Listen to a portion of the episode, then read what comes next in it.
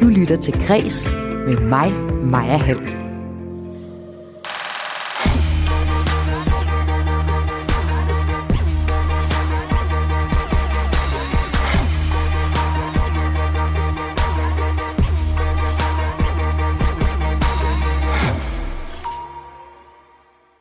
Han ville egentlig gerne være guitarist, men så bestemte hans bandkammerat, at han skulle spille keyboard.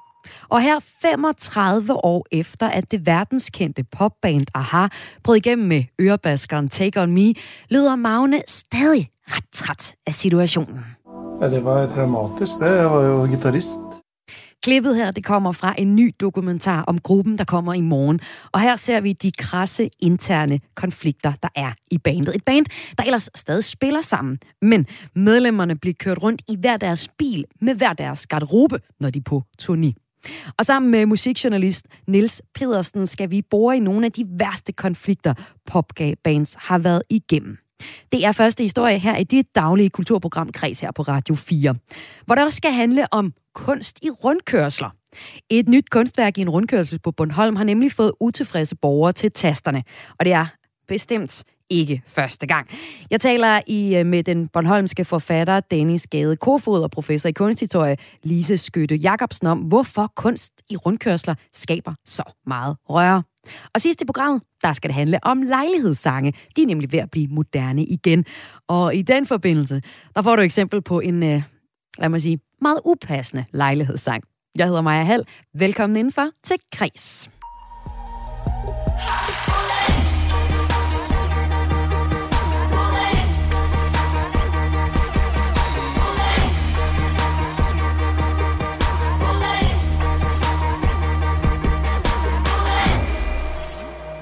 I morgen er der premiere på en ny musikdokumentar. Det er en dokumentar, hvor det her nummer bliver spillet rigtig, rigtig, rigtig mange gange.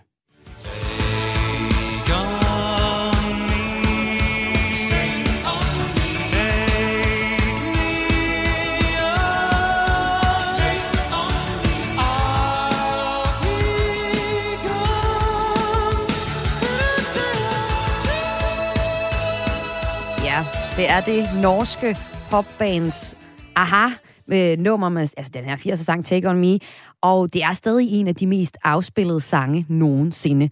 Og jeg tænker bare, rigtig mange af jer, der lytter med, I har garanteret danset øh, til det her nummer, sådan rigtig disco med stort hår, denim og skulderpuder. Men bag det her mega-hit, der gemmer der sig et band fuld af konflikter. Og det gælder faktisk for rigtig mange store bands. Nils Pedersen, velkommen til Græs. Tak skal du have. Du er musikjournalist, og øh, vi to skal nu bore i nogle af de værste konflikter, popbands har været igennem. Og der er jo altså også øh, danske eksempler, Niels. Dem kommer vi ind på øh, lige om lidt. Men først lad mig lige spørge dig, hvorfor er der bare sindssygt god garanti for, at når et band bliver stort, så kommer der også en masse konflikter med? Ja, det handler om kreative mennesker. Og kreative mennesker, der bliver sat ofte under pres, de ender med at blive uvenner. Altså, jeg tror ikke, der findes ret mange bands, man kan sige, er virkelig velfungerende. Jeg tror, at øh, 95 procent af alle bands, der findes derude, de er dysfunktionelle på en eller anden måde. Hvad enten det handler om, at de er uvenner med hinanden, eller nogle gange bliver det så også forstærket af misbrug, eller alkohol, eller dårlige turnéer og økonomi og den slags. Men jeg tror, det ender med, at man ender med at ryge tollerne på hinanden, når man tilbringer rigtig meget tid sammen, meget tæt på hinanden. Og samtidig så er der nogle egoer på spil, når det handler om kreativitet. Det er simpelthen opskriften på at blive uvenner. Og netop det her med egoer, der kommer i spil, det er en af de historier, som øh, vi skal tale om øh, lige om lidt. Men generelt set, så siger du ligesom, at, at øh, folk bliver presset, fordi der er, er masser af succes, som også splitter folk. Eller hvordan, Niels? Ja, det kan der jo gøre. Altså, succes kan jo føre ting med sig, føre en masse gode ting med sig, ikke? men det kan også føre strid om for eksempel rettigheder eller penge. Hvem bestemmer mest? Hvem skal have den største del af kagen? Det er også en mulighed, som kan gøre, at man kan blive uvenner i et orkester. Men tit handler det jo rigtig meget om, at man tilbringer enormt meget tid sammen, hvis man er i et band.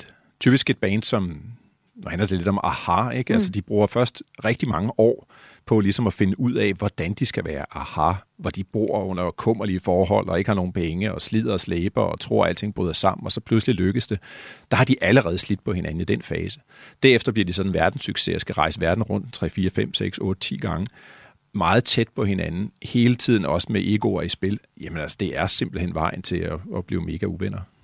Og i den her nye dokumentar om Aha, Aha The Movie hedder den, som udkommer i morgen, jamen der jeg møder vi jo netop øh, de tre unge fyre, Paul, Magne og Morten, og øh, hvordan de sådan, vi møder dem, og hvordan de lykkes med den her umulige drøm om at blive Norges første internationale popband. Og så se, så ser vi jo altså også øh, de personlige og kreative dynamikker i bandet, der skaber mange gnidninger og konflikter imellem dem. Og øh, jeg havde introen her i et lille eksempel. Lad os lige prøve at folde det ud. Det handler om Magne, der, er, der spiller keyboard, og han fortæller øh, for eksempel her, at han, han faktisk var meget utilfreds med, at han skulle spille keyboard, fordi han ser mere sig selv som øh, guitarist. We tried it with two guitars for a while, but I felt that it didn't really gel. Ja, her er det uh, Paul, vi hører, sige, at han synes ikke, det fungerede med to guitarer, og derfor så foreslår han Magne at spille keyboard. Det var dramatisk, det. Jeg var jo guitarist. Og det er han ikke så glad for. Paul så siger så, at uh, han havde jo ret i, at Magne skulle spille guitar. Han havde det som en fisk i vandet, da han først fik gang i keyboardet. Because he took to it like fish to water. It didn't take him more than a couple of rehearsals where suddenly it came up much more stuff on that than that he had done on the guitar. Nej, jeg følte ikke, at det var sådan fish to water. Ja, her siger Magnus jo bare, nej, jeg havde det overhovedet ikke som en fisk i vandet. Jeg synes virkelig, det var irriterende, at han skulle uh, skifte. Det ville vært liksom smertefullt på et eller andet niveau. Det kostet mig lidt at snu om den i huet til liksom... Det hadde vært min drøm å, å være keyboardist, liksom. Det blei sånn, og vi fikk det til å funke. Det var ikke hans drøm om at blive... Eh, altså, hans drøm var at blive øh, guitarist og ikke keyboardist, som han siger. Men det blev sådan, at vi fik det til at fungere. Og eh, selv her mange år efter konflikten, så lever den stadig. Altså, Niels, er det ikke rigtigt, at man sådan kan høre på Magnes stemme, at han, han er ikke okay med den situation? Nej, det er, jo, det er jo ganske vildt, ikke? fordi i dag er det jo nogle nydelige, midaldrende mænd. Ja. Og den her situation omkring, hvem der skal spille hvilket instrument, udspiller sig til de unge teenager. Øh, så det handler også noget om, at når man er i den her verden, så øh, husker folk altså rigtig mm. godt. Ikke? Det er lidt, Altså et band er jo ligesom alle mulige andre arbejdspladser. Altså hvis, øh, hvis du er på en arbejdsplads, og du oplever, at der er nogen, som trækker i en retning, og nogen, der tager æren for noget af dit arbejde, og nogen, der siger, at det er måske bedre, at du arbejder over i regnskab, i stedet for at være her i den kreative afdeling, så kan det også være, at der opstår nogle gnidninger, som man også har set, og jo også ser ikke, øh, på, på ganske almindelige arbejdspladsniveauer. Og det er jo det, der sker i bandsene også, fordi det er jo arbejdspladser, samtidig med, at de også er sådan lidt familie, fordi de tilbringer så meget tid sammen.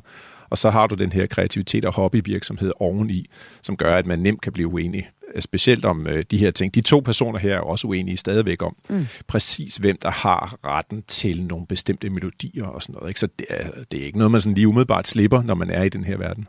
Og til sidst i den her dokumentar, der får vi så at vide, at bandet aldrig rigtig har været baseret på venskab, men i stedet musikken og respekten for hinandens talenter, som øh, der trods konflikterne stadig holder dem sammen i dag. Jeg synes, det er ret vildt, at man orker at øh, tage rundt på turné, når man egentlig ikke synes, at hinanden er særlig rar at være sammen med. Ej, det er, jo, det er jo ikke helt det, de siger. De siger, at de respekterer hinandens ja, musikalitet. Hinanden, ikke? Men, ja. men øh, altså, jeg tror også nogle gange, at vi som, som lyttere øh, tror, at bands er bedre venner end Klart, klart. Altså, vi, vi vil jeg gerne have, med bandsene, altså, vi, vi, vi, vil gerne, vi vil gerne have, når, øh, når, når de ankommer på scenen, at de ligesom ankommer som sådan et, åh, det, det, det er vores venner, ikke? og de er venner med hinanden, og se, hvordan de klapper hinanden på skulderen osv.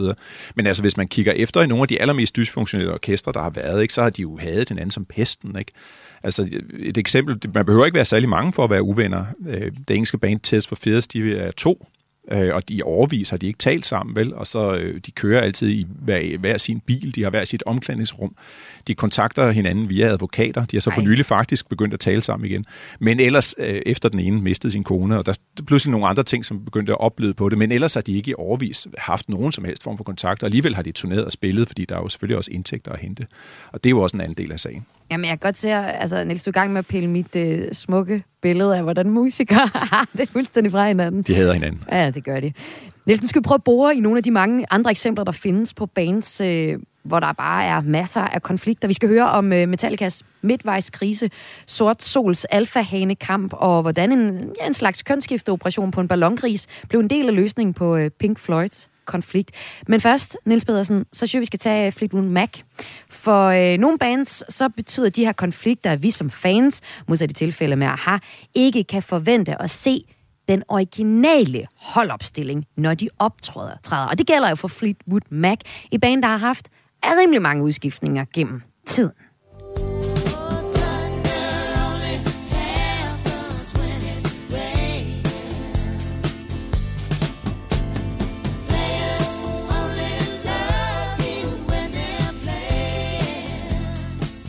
Ja, Niels, her i Fleetwood Mac, hvor vi hørte uh, Dreams, har guitarist og sanger Lindsay Buckingham været inde og ude flere gange, blandt andet på grund af interne konflikter. Hvad er årsagen til konflikter i Fleetwood Mac? Det er de klassiske konflikter, som så i det her tilfælde bliver forstærket helt vildt. Altså gruppen er præget af jalousi, af konkurrence. Desuden har medlemmerne haft affære med hinanden på kryds og tværs, mm. øh, og det har de så suppleret med alkohol og kokain og en hel masse penge. Så det er simpelthen opskriften på det, der burde være en nedtur. Altså, Fleetwood Mac er i virkeligheden så dysfunktionel, så hvis det havde været en familie, så havde myndighederne tvangsfjernet nogle af medlemmerne. Ikke? Fordi de, de, altså, de kan simpelthen ikke klare sig selv. Altså, den hovedkonflikten står i øjeblikket, øh, altså den er ikke i øjeblikket, fordi Lindsey Buckingham er smidt ud af bandet mm. igen, men den står mellem Lindsey Buckingham og hans ekskæreste Stevie Nicks. Mm. De, de kan ikke sammen. Desuden så har der så været nogle andre ting på tværs, hvor noget har fungeret godt, og noget har fungeret mm. dårligt. Øh, men det er en gruppe, der har skiftet ud i, i besætningen indtil flere lejligheder, og samtidig så har de været uenige om alt. Ja. I dag er de jo primært uenige om, hvad der ligesom skal ske med det, der er Fleetwood Mac. Der er ikke nogen udsigt til, at de laver nye plader, men der er stadigvæk mulighed for at turnere. Det er meget lukrativt at spille, når man er sådan et ældre band, som har så mange hits, som de har. Øh, så sent som i 2018, det er et band, der har eksisteret siden slutningen af 60'erne. Og i 2018, der blev Lindsey Buckingham så senest smidt ud af gruppen. Øh, og han har så svaret ved at sagsøge de andre endnu en gang. Ikke? Øh, han er blevet erstattet af nogle andre musikere på turnéen, for de spiller stadigvæk de andre.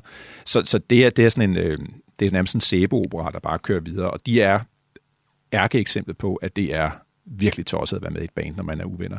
Men jo så også et fantastisk band. Og det er også band. det er det næste også. Altså, det næste, vi skal have smadret, det er Pink Floyd. Et andet band, hvis uh, stridigheder også er en stor del af bandets fortælling om dem.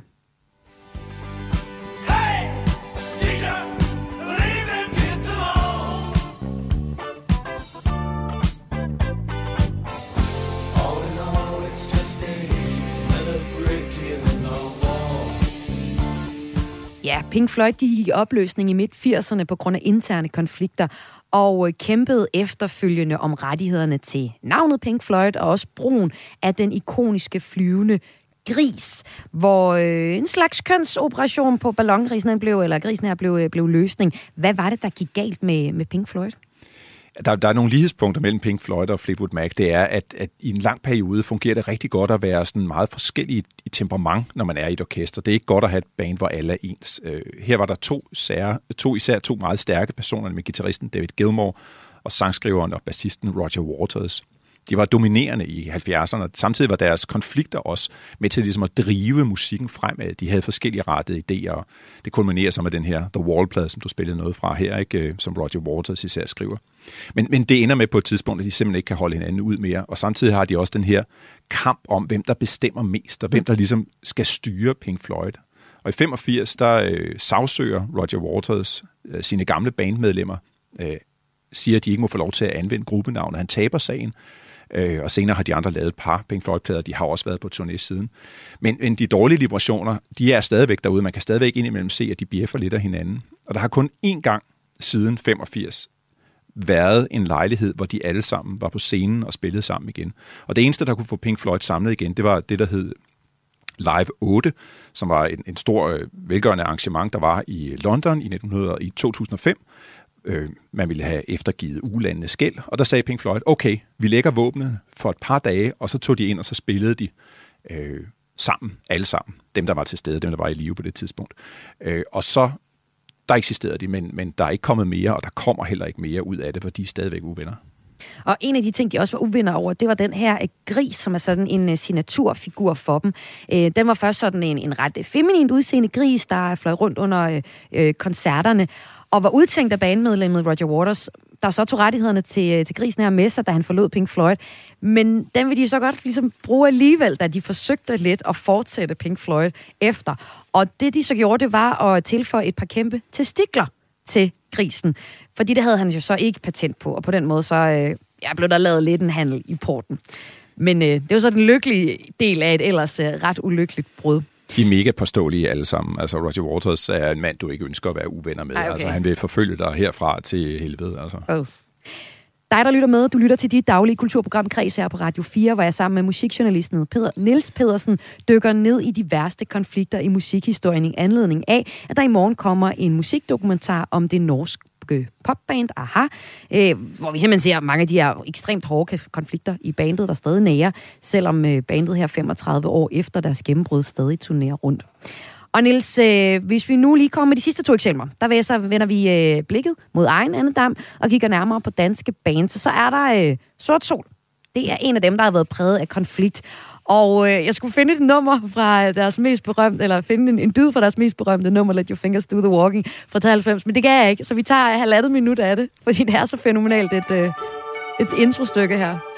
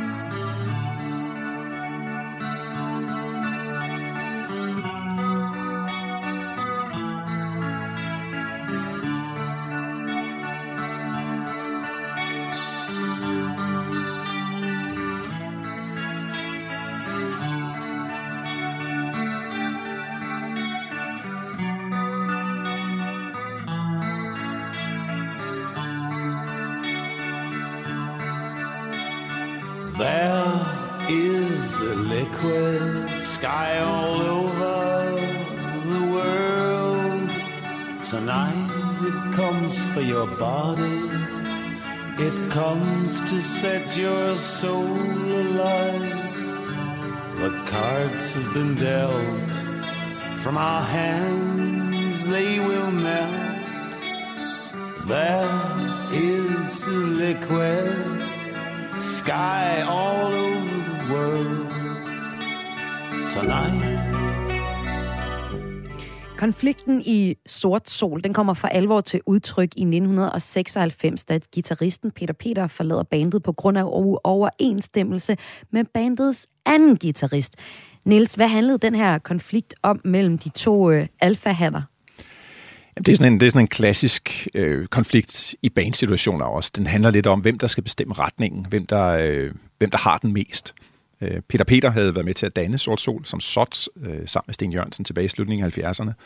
Øh, senere kommer Lars Topgalia ind, som har spillet et andet band, og de bliver sådan sammen sådan et virkelig, virkelig godt band. Øh, enormt drive, øh, finder ny lyd, bliver også større, end de har været nogensinde. Men samtidig er der sådan en masse konflikter mellem de her guitarister. Og jeg vil bare sige, øh, bare lige skrive, at nogle ting omkring øh, uenighed i bands er jo spekulation, men det her er dokumenteret, øh, blandt andet et meget store interviews, øh, som der var i den her gang, da det, da det gik i opløsning, og også i flere bøger. Og det, der sker på et tidspunkt, det er, at Peter Peter, som er, også er en temmelig stedig person, han, øh, han får nok. Øh, han mener, at de andre bagtaler ham. Han mener især, at Lars Top bagtaler ham. Han siger, at han ude i byen har hørt, at han taler grimt om ham osv. Og det kulminerer en eller anden dag hen i øh, øvelokalet, hvor han siger, nu tager vi snakken den snak, den bliver ikke taget, og så kommer meldingen, tak for turen gutter, that was it, jeg går ud af gruppen. Og som han sagde dengang, jeg bestilte så en taxa til mine guitarer, og så tog jeg hjem. Og siden har han så ikke spillet i Sort Sol. Til gengæld har han ofte haft en lille bitter bemærkning til nogle af sine gamle band med bandkollegaer. Så oh. det igen, det handler om, det handler om kontrol. Ja. Det gør det rigtig meget. Altså, hvem bestemmer mest? Mm. Altså, hvem har den? Og det er jo, øh, når man, når man har den her form for kreativ energi, og man slipper den løs, og vi alle sammen ligesom har noget, man vil ud med, ikke? Så, så kan der jo godt komme de her konflikter. Det kender man jo også, hvis man bare skal, skal lave et eller andet øh, sammen med nogle andre mennesker. Ikke? Og øh, et andet band, og det aller sidste eksempel, det er Metallica, som også har været præget af især en stor konflikt.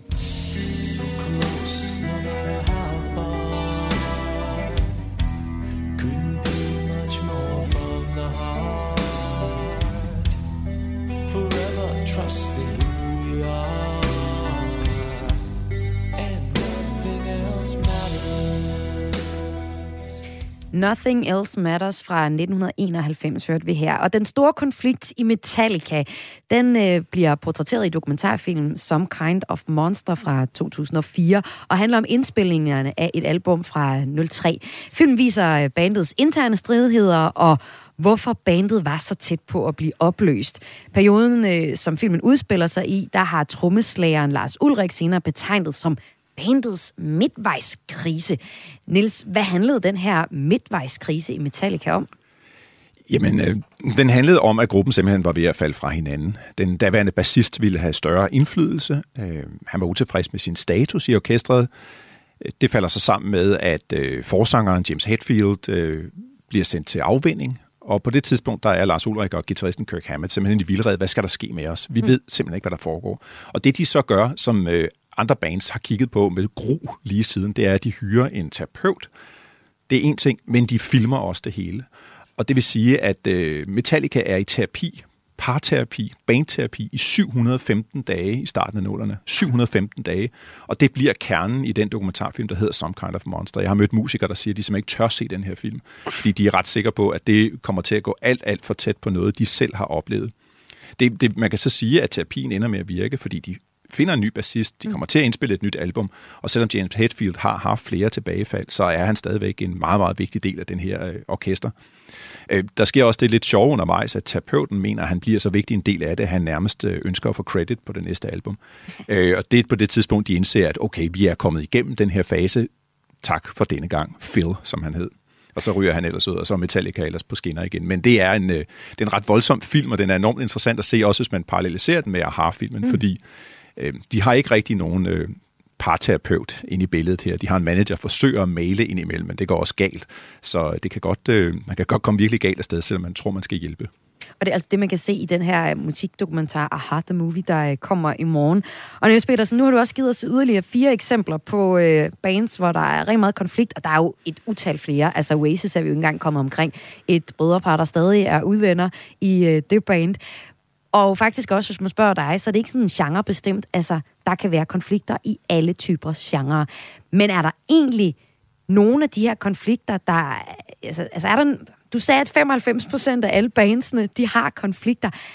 Er de her konflikter fuldstændig uundgåelige, en uundgåelig del af at være et band, eller, eller kan der egentlig gøres noget for at undgå dem, eller i mindst at afhjælpe dem på forhånd? Sådan?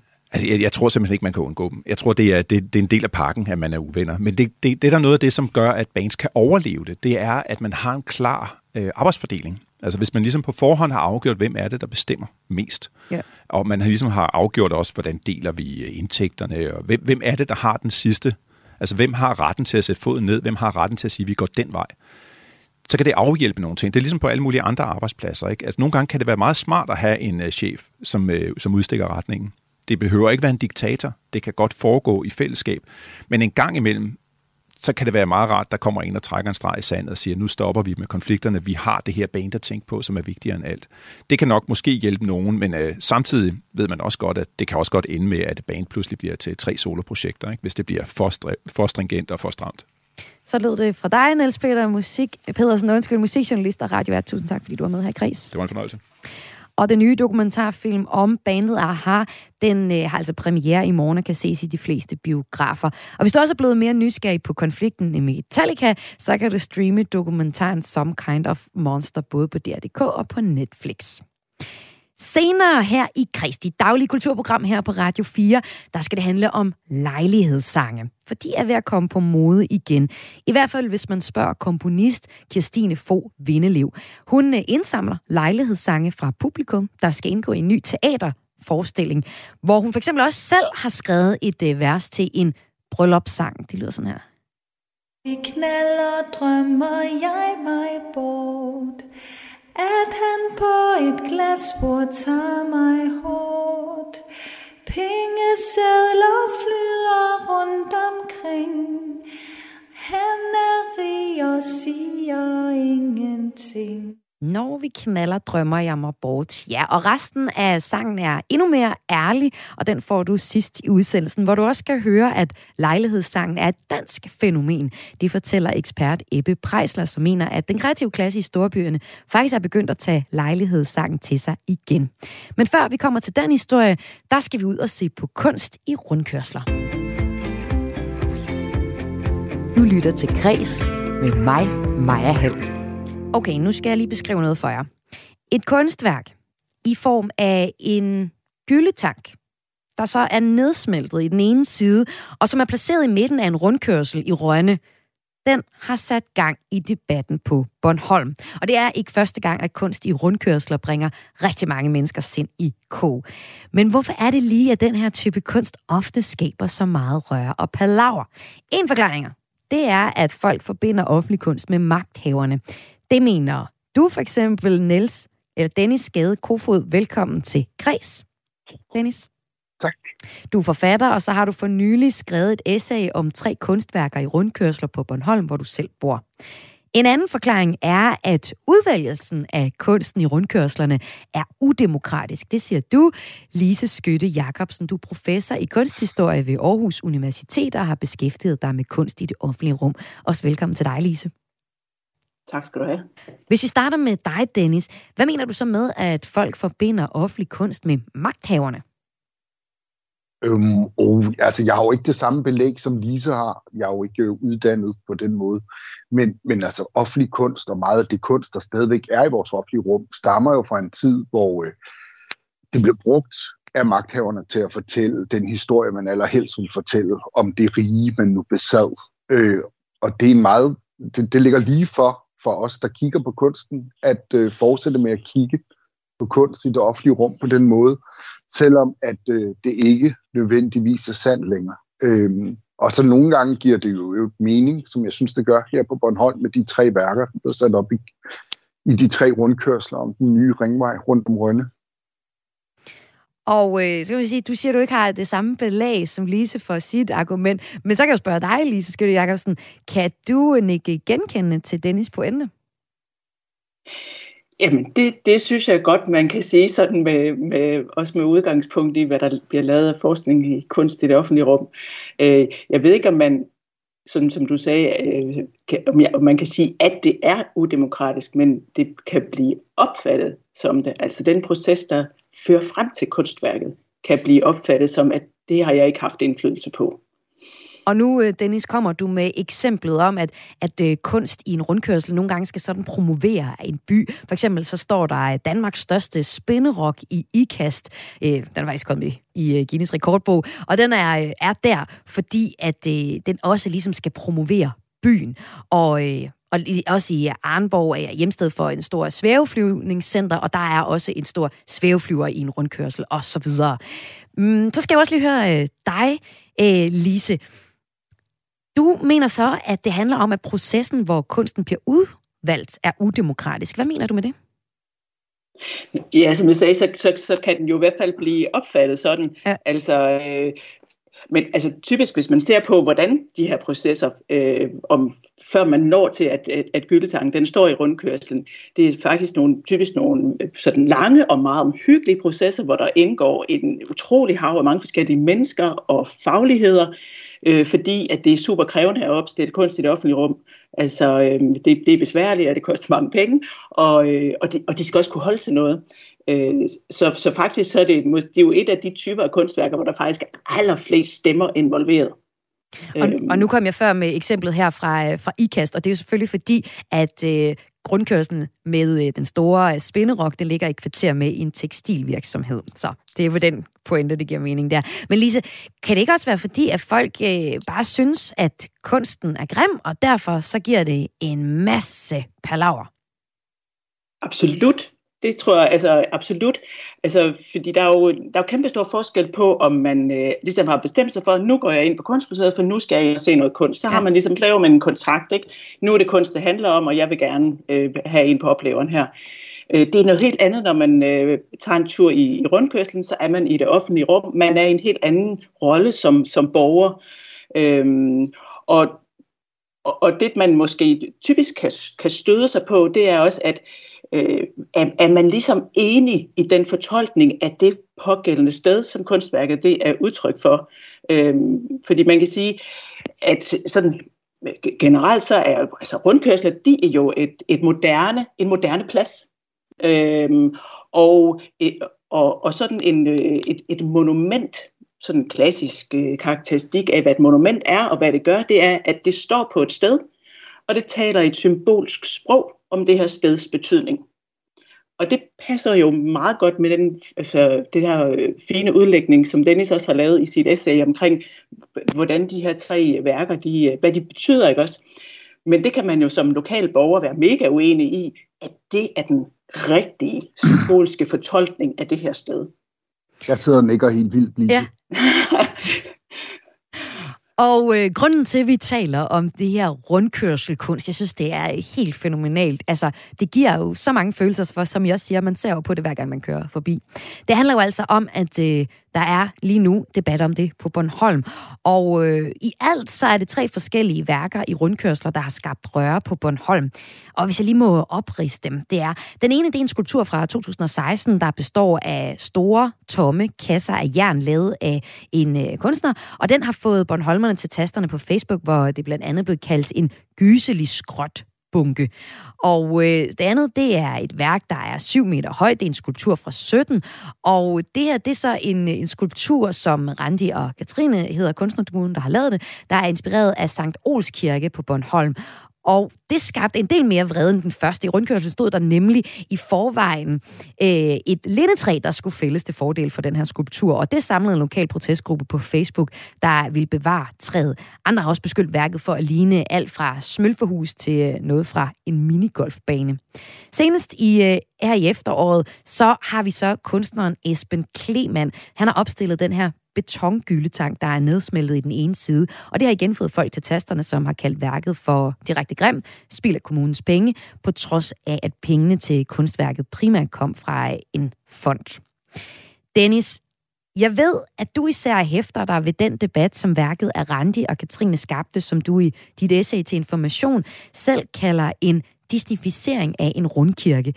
Dennis, du skriver, at værket blev øh, synonymt med den daværende borgmester Vinnie Gråsbøls magt og den voksne modstand mod hende. Hvad mener du med det? Altså, jeg mener det, jeg sagde der, men jeg vil gerne eksemplificere det. Ja, tak. Jeg vil dog ikke tage, jeg vil, jeg vil dog ikke tage kredit for disnificeringen. Det var øh, en kommentar på Facebook, mm. der brugte det.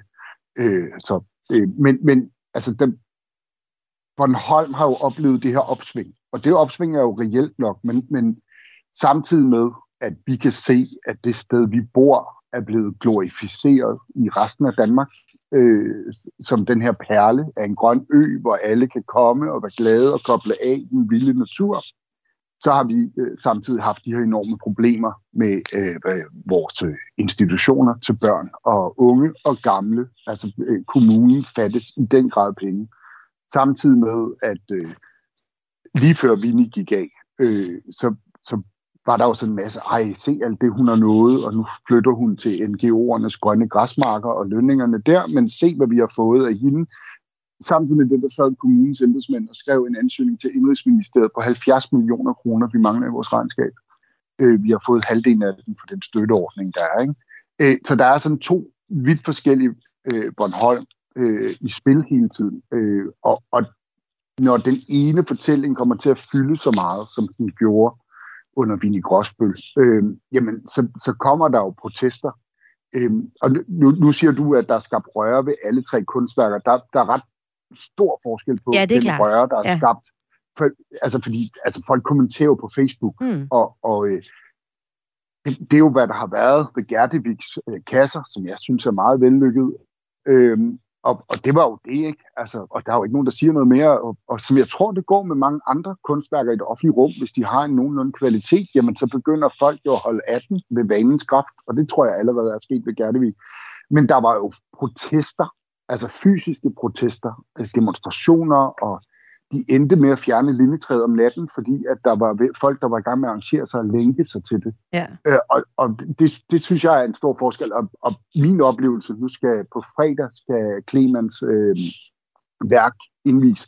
Og det skal lige siges, at det er mig, der kalder det en gyldetank. Det har Esben Kleman øh, vist ikke selv gjort. Øh, og jeg mener jo gyldetanken positivt, selvom det kan være svært med det ord. Øh, hvad hedder det? Åh, oh, nu tabte jeg lige. Jo, men... Øh, så, så på den måde, så, så bliver de der værker jo et udtryk for, hvad det er for et samfund, vi bliver i. Og i essayet, der sammenligner det jo med, når vi går og kigger på de gamle voldanlæg. Mm. for eksempel rundt om København, hvor de er meget tydelige at snakke om, hvilken by der var inden for byen og uden for byen, så synes jeg, at de her ringveje rundt omkring øh, de forskellige byer, øh, der har den i Danmark, at de begynder sådan at, at, at fortælle en historie om, hvem vi er, og hvem vi gerne vil fortælle andre, øh, hvem vi er. Altså, så, så der sker alt muligt med de her kunstværker, ligesom, og dine eksempler var ret gode, øh, med at, at det bliver en måde sådan at sige, velkommen til Herning, vi laver dit tøj, øh, og, og så er det altså bare uheldigt, at den første rundkørsel, ej, der er en længere inde i byen, men, men den, den, det første rundkørselværk, øh, vores gæster møder her på Bornholm, det er noget, og det ligner altså noget fra en minigolfbane. Det, jeg, jeg synes, det er uheldigt. Ja. Øhm, Og, Og- øh, og og, så- og, og, og Dennis, øh, nu skal vi lige til at lette runde af, så jeg skal også lige have, høre dig, til, Lise, til sidst. En ting er jo, hvad der foregår på, på Bornholm, men jeg skal også lige prøve at, at løfte blikket ud over hele landet. Hvad er sådan øh, det værste eksempel, du lige kan komme op med øh, modstand mod kunst i, i rundkørsler i, i hele landet? Her til sidst. øh, i hele landet. Og, altså, øh, hmm, jeg, ved ikke, altså, jeg ved ikke, om jeg har noget øh, rigtig godt eksempel lige præcis fra rundkørsler, men altså, hvis vi taler bredt om kunst i det offentlige rum, så er der jo tonsvis af eksempler, fordi det ligesom er jo en del af præmissen, øh, at når man laver noget i det offentlige rum, så er det, det er det rum, hvor vi har dialoger, og dermed også det rum, hvor vi har konflikter. Mm. Øh, så derfor så spiller de her billeder, som det jo er, og de for, forestillinger, de spiller, et, spiller en rolle. Altså i, i Aarhus, der har man jo lige øh, valgt at, at fjerne en skulptur på Store Torv Åh, oh, ja. af Elisabeth Torbro, efter man har skændtes om den i al den tid, den har stået der. Det er den, der populært, Øh. populært bliver- set bliver kaldt øh, vanddragen. Og det bliver altså bliver- alt, hvad ja. vi når øh, i snakken her om øh, kunst i rundkørsler. Tusind tak, fordi I var med.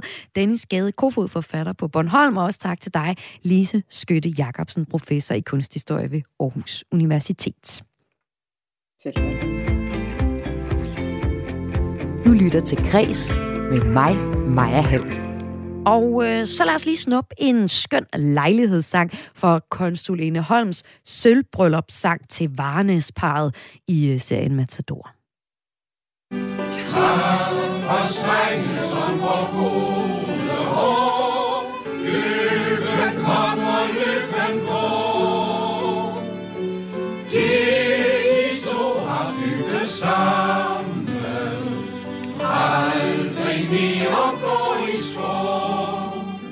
I lang tid har lejlighedssangen været dømt ude som kitsch og forældet. Men nu kan den være på vej tilbage, det mener mine næste to gæster. Og øh, jeg ser også flere populære forfattere, som for eksempel Stine Pilgaard eller Helle Helle, dyrke lejlighedssangen. Også på Teater Svalgangen i Aarhus er de ved at planlægge et stykke, der netop tager udgangspunkt i den sang.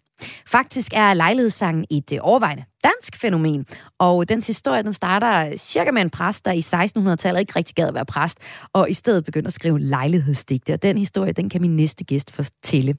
Men inden du får den, der øh, skal vi øh, høre fra vores komponist, Kirstine Vindelev, der står bag forestillingen Fællesang på Teater Svalegangen. Her opfordrer de lige nu publikum til at sende personlige sange ind, som så kan komme til at øh, indgå i forestillingen. Christine Vindelev mener nemlig, at øh, lejlighedssangen rummer et stort potentiale for at binde os sammen. Det særlige ved øh, lejlighedssangen for mig er, at, øh, altså, at den i, si, i sit rene udgangspunkt er en meget smuk og fin tradition, hvor man vælger at bruge sangen til at, at, at hylde et andet menneske eller mindes noget. Øhm, så jeg synes egentlig, at lejlighedssangen er en, en meget øh, smuk mulighed. Altså, fordi det er så sjældent, at man egentlig er samlet med sin familie og sine venner og så videre, og så at man har måske fem minutter, hvor man kan få folk til at synge noget, man synes om et andet menneske. Ja, det synes jeg er, er øh, det, det, det er et punkt, øh, som kan være enormt berigende. Ja, altså lige nu der øh, er jeg ved at, at lave en forestilling på Teater Svaleganget, hvor en række af de selskabssange, jeg har skrevet øh, de sidste par år, øh, bliver sunget, og det bliver simpelthen sådan en, en, en forestilling, som bliver en form for hyldest til øh, den mulighed, traditionen den bærer med sig, og en hyldest til festen, og der kommer til at være en vært, som hedder Holger, som oprigtigt er fra Vestjylland, og som også elsker den her tradition og er vokset op med den. Men ligesom mig, så elsker Holger de her sange med bid og vid og så videre. Så det kommer til at være sådan en aften, som byder på øh, selskabssange, som prøver på at, at tage traditionen derud, hvor man virkelig bruger sangen til at få sagt nogle af de ting, som, som vil gøre øh, livet lidt lettere måske. Og til den her forestilling, der søger vi nemlig sange. Altså hvis der er folk derude, der, øh, der har øh, netop brugt traditionen faktisk til at sige noget, der også kunne være lidt svært, eller noget, der var ekstremt sjovt, eller så videre. Altså brugt den øh, og virkelig taget stilling til indholdet, så må man gerne sende den øh, afsted til os. Øh, så kommer den forhåbentlig med i forestillingen lød det her fra kommunisten bag den nye forestilling på Teater Svalegangen, der altså hylder lejlighedssangen, og det var Kirstine Vindelev, vi hørte her. Og øh, nu velkommen til min sidste gæst her i Kreds. Det er dig, Ebbe Prejsler, du er forfatter til bogen Om lidt er sangen klar, den danske lejlighedssang fra Kingo til rap. Velkommen til Kreds. Mange tak.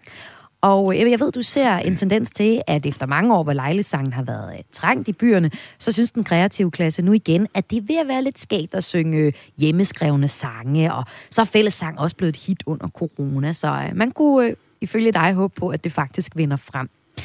Og øh, Ebbe, det ligger jo faktisk også danskerne nært at synge sammen, for lejlighedssangen, den er overvejende dansk. Har man slet ikke sunget lejlighedssange i andre steder i verden? Nej, ikke øh, i det omfang, vi har det i Danmark. Øh, man har det altså i de gamle danske områder, kan man sige, Norge, Færøerne, Island, Grønland, selvfølgelig, men det er altså bundet til det danske sprog. Man har en lille bitte smule i Sverige, men det er et meget, meget mindre fænomen, som er noget med jubilæer i firmaer og den slags ting. Så nej, det er et dansk fænomen. Og lejlighedssangen som fænomen, den opstår, øh, kan man sige, som et lejlighedsdigt. Og vi kunne starte historien, lejlighedssangens historie, med en præst, der faktisk ikke gider at være præst. Det er huspoeten Anders Bording. Hvad skriver han om i sin øh, lejlighedsdigte i 1600-tallet? Altså, du, det er netop rigtigt, han er huspoet. Øh, han gider ikke være præst. Og han bliver ansat i, hos en øh, dansk øh, herremand i Skåne, og der skriver han så dagligt, vil jeg tro, sådan at øh, han kunne skrive om det foråret, der spiger, eller de elskende, unge elskende, der mødes under, under piletræet, og så videre, og så videre. Jeg tror faktisk, han har, han har følt, han har været på arbejde, ligesom kokken nede i køkkenet, eller, eller på anden måde, så har han digtet løs. Og han har, han har garanteret moret sig, og forhåbentlig også moret publikum, det må man tro. Og øh, Anders Borling er altså med til at starte den øh, danske tradition for lejlighedssange. Øh, Niels, jeg skal også høre, du har skrevet en hel bog om, øh, eller undskyld, du har skrevet en hel bog om lejlighedssang. Skriver du egentlig selv af lejlighedssang nu da? Ok. Ja, ja. Det kunne jeg forestille mig. ja, ja, ja. Jeg har skrevet flere hundrede. Det kunne jeg forestille mig. Ja, ja. De lyder noget lidt anderledes må, end må, øh, må Anders lige, Bordings. Ja, ja. ja, må jeg lige vende tilbage til Boarding, fordi ja. det sjove er, i den der unge enevæle, den starter jo i 1660 med Frederik mm. 3. I 1667 så henvender enevælens embedsfolk sig til Bording og spørger, kunne du ikke tænke dig at udgive en avis? Mm. Og øh, han får lov til at udgive Danmarks første avis, og han skriver den på vers. Ja, selvfølgelig. Ikke? Alle, jo, jo. alle nyheder. Belgien, så kommer der en, en eller anden nyhed, og den er skrevet på vers. Og det danner faktisk i høj grad skole, og går langt op i 1700-tallet, der skrives monografier om ham osv. Så, videre, så, videre. så jeg tror, at man godt kan sige, at han er den første, der lever af at skrive på dansk. Ja, op i 1700-tallet, der øh, får vi også Holberg, der skriver om begivenheder på vers. Og øh, kan man sige, kimen til vores danske tradition om at sige vigtige ting på vers starter altså her. I øh, 1700-tallet, der får vi så en masse kaffeklubber. Det er klubber, hvor mænd mødes og sidder og hygger sig med en omgang tobak i pipen, og så også lejlighedssange. Og så kommer vi op til 1800-tallet. Her kommer Anders H.C. Øh, Andersen ind i billedet, for han er faktisk også en del af den her tradition med at skrive lejlighedssange. Han kommer selv fra en familie, der hedder øh, Colin, og her skriver han selv, han øh, selv og sønnen i huset altid en sang. Og så bliver han faktisk også drillet lidt hos Andersen. Han får, øh, han får, øh, får skrevet en sang modsat, hvor det betyder, at hos Andersen går ud og græder. Øhm, jeg ved, Ebbe, du har et lille eksempel med på et vers fra en lejlighedssang fra H.C. Andersens tid. Det er ikke den, hvor han bliver drillet, det er en, hvor han selv har skrevet. Vil du prøve at læse det op? Jo, jeg vil lige give forhistorien. Ja. Jonas Collin var hans mentor. Det var ham, der hjalp ham. Han hjalp ham med uddannelse og alt muligt andet. Så han var en reservefar, og derfor kom H.C. Andersen meget i det hjem. Og ikke mindst den 6. januar, der var det Jonas Collins fødselsdag. Og hver eneste år, så kom H.C. Andersen i god tid med en, en sang, han havde skrevet. Og den blev så øh, mangfoldigt gjort af nogen i familien. Og så Edvard, øh, som var nogenlunde jævnaldrende med H.C. Andersen, han øh, snuppede lige en kopi, og så gik han afsides, og så skrev han en drillesang mod H.C. Andersen, mm. som han jo så fik øh, sunget, afsunget under desserten, og øh, meget, meget, meget dygtig, meget sjov i sin måde at digte på. Og det førte altid til, at H.C. Andersen gik afsides, grædende ud i gangen, og kunne ikke holde ud og blive drillet. Nå, men nu skal du høre det sidste, eller mm. vi hører det sidste vers i den sang, han skriver til Jonas Collin, og der er jo altså øh, fire vers. Øh, og jeg bruger den som eksempel på, at lige det her, det er altså ikke H.C. Andersens stærke side. Han skriver, vi fik ham, har ham, ja, ham længe vil beholde. Vor, kære, vor fader og vor ven, den kære Olle færre. Lyd til hans skål, hurra, hurra, som skud fra byens volde. Gud lad os fejre tit, vor 6. januar. Der er ikke mange spændende nye billeder i det. Måske lige den med skud fra byens volde. Og så er der til gengæld øh, otte udråbstegn og sådan nogle ting. Og den tager altså Edvard, jeg ved ikke, det har vi ikke tid til vel at læse lidt højt af Jo, Edvards- bare kom med den. Kan vi det? Mm. Fordi der vil jeg sige, at øh, han har... Øh, Edvard, han, han er- synger nemlig mod H.C. Andersen, fordi H.C. Andersen har skrevet endnu et skuespil, der hedder Hyllemor, som blev ålet i pressen, og det tager Edvard op og siger, nå, nu skal vi bare høre, hvordan pressen ikke kunne lide det. Han skrev så, den gamle Berling er klog på Sterling, men ej på Hyllemor. Ti poesien, som, der, som er der i en, øh, den er ham for stor.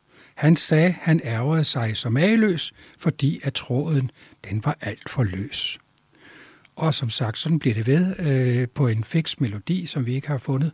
Men øh, han kunne det der, det er fuldstændig moderne digtning, hvor H.C. Andersens er gammeldags.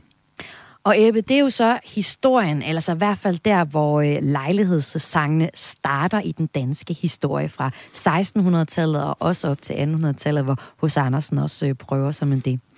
Hvis vi kommer lidt op i nyere tids Må jeg historie... lige afbryde dig ja. ganske kort? Ja. Fordi det, som vi kender, det er det, der sker i borgerskabet og alle dem, der er skrivende og, og får sangene trygt.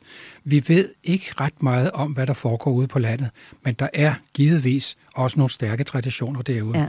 Det starter med markedspladserne med, med, øh, med øh, hvad skal man sige, netop sådan nogle skæmte viser og den slags ting. Og øh, øh, først i slutningen af 1800-tallet, så er der nogen, der begynder at gå rundt ude på, på gårdene, ude på den jyske hede og samler ind, og der kommer et væld af interessant materiale frem. Så der, der sker også noget der. Det er kun det, det, der er blevet trygt, som vi har rigtig for alvor fået overlevet, og det er synd. Og Ebbe, nu øh, skal vi op til nyere tid, og lige om lidt, så skal vi høre fra Kirstine, som altså har skrevet en lejlighedssang til forestillingen på teateret Svalegangen, og laver en hel forestilling om det.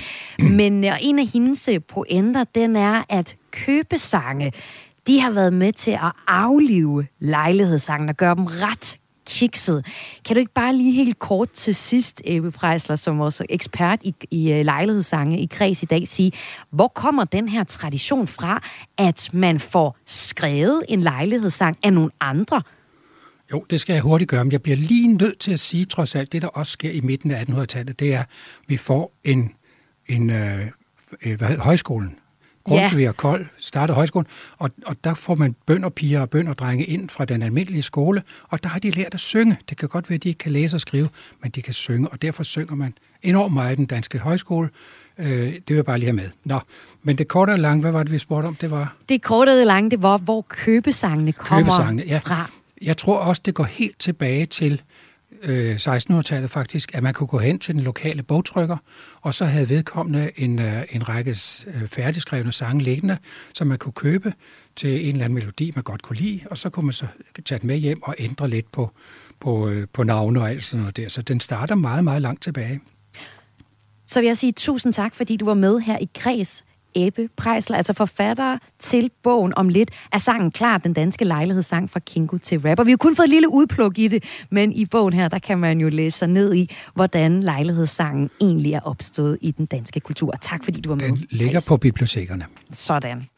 Og som lovet, så skal vi nu tilbage til det her teaterstykke, fordi grunden til, at vi taler om øh, lejlighedssange, det er faktisk fordi, at Teater Svalegangen er i gang med at opsætte et teaterstykke, som netop vil hylde, hylde øh, lejlighedssangene. Og nu vender vi tilbage til kommunisten bag det, det er Kirstine Vindeliv. Hun mener så, at de her købesange, det er en af de helt store udfordringer, som har været med til at gøre lejlighedssangen enormt upopulær. Derfor er hun stor fortaler for, at vi skal skrive sangene selv, fortæller hun her. Jeg tænker, at det er en god idé, hvis selskabssangen øh, får et mere ærligt, personligt og nødvendigt afsæt og det, det tror jeg generelt, altså det, det synes jeg generelt ved alle sange, at øh, det, det er bedst, hvis de har et, et personligt afsæt. Men jeg tror også lige præcis for den her genre, er det enormt vigtigt, at vi er nogen, der rider på en bølge, hvor vi siger, at det er faktisk enormt vigtigt, at den her sang er skrevet af mig til min far, fordi jeg kender min far øhm, bedre end nogen anden. Fordi problemet med den her tradition, hvis den har været uddøende, eller det er nok, at den er blevet for meget en tradition. Og det vil sige, at man gør det, fordi man skal gøre det. Altså jeg tror, vi har glemt, hvorfor vi gør det, og hvilke muligheder der ligger i, at man sætter sig ned og bruger enormt lang tid på at tænke over og, og nørkle med nogle værsefødder og så videre for at få det til at passe. Hvad betyder det her menneske for mig? Eller hvordan ser jeg det her menneske? Hvordan ser jeg den fødselar? Altså at man bestiller en sang, fra en, som man aldrig har mødt eller talt med, som ikke kender det menneske, som sang er skrevet til. Det, det tror jeg øh, er, er med til at, at gøre, at vi ikke kan mærke den her tradition mere. Øhm, og, og nu kan man jo også bare printe sangen ud, og så kan man, man kan bare lige gå ind på nettet, og så kan man skrive Lene eller Kirstine, og så kommer der en 40 års fødselsdagssang ud til mig. Og det, det synes jeg bare er farligt. Det er farligt, fordi øh, at det, det er ikke, der er ikke nogen tvivl om, at når der er en selskabssang til en fest, som folk kan mærke, at øh, der er et personligt afsæt i og en nødvendighed, så er vi ikke i tvivl. Men problemet er nok, at der har været for mange sange, som er blevet skrevet, fordi man bare lige skal skrive dem. Sag her Christine Vindelev, som altså er komponist på en ny forestilling på Teater Svalegang. Og til den forestilling, der har Christine også selv skrevet et bud på en lejlighedssang, hvor ærligheden, som hun jo ellers hylder, bliver sat sådan rimelig meget på spidsen. Den kommer her, og er ikke for sarte ører, vel? Kæreste, så kom den store dag, hvor du bad mig endeligt sige ja. Du har længe ønsket dig lidt mere, mere af mig, det kommer lige her. Når du siger, at du elsker mig, hverken jeg det mærker eller dig. Du kunne lige så godt have sagt, min ven, jeg går lige ud og køber ind. Når du bryder sammen i vores seng, græder, ryster, deler dybe ting. Hulker siger, jeg hader alt ved mig. Lærer jeg lidt og ser den anden vej. Når vi knaller, drømmer jeg mig bort.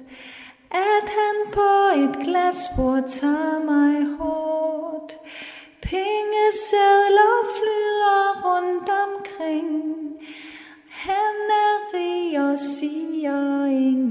ingenting. Når du vil, jeg sutter på din pæk. Mine kæber spænder, jeg kan ikke. Flå den af og flænse den, jeg vil. Smide den langt væk af helvede til. Her forleden var jeg til en fest, hvor på runde alle hver en gæst om sig selv skulle sige nogle ord. Da det så blev mig ud ordene for. Jeg fortalte om, hvad optog mig. Hvad jeg læste, så hvad rørte sig. Og med et der blev jeg indeni. Fyldt med varme, sprudlende og fri. Og hvordan tror du så, hun havde det, da hun kørte øh, hjem? Ja, der synes hun ikke ligefrem, at øh, hendes mand kunne give hende helt samme energi. Det her, det var en sang til forestilling, selskabssang, så får premiere næste februar, eller ja, februar næste år på Teater Svalegangen. Og det var det sidste her i Kreds på Radio 4, program tilrettelagt af Lene Grønborg Poulsen og Laura Lind Duholm, og jeg har været din vært. Jeg hedder Maja Hall.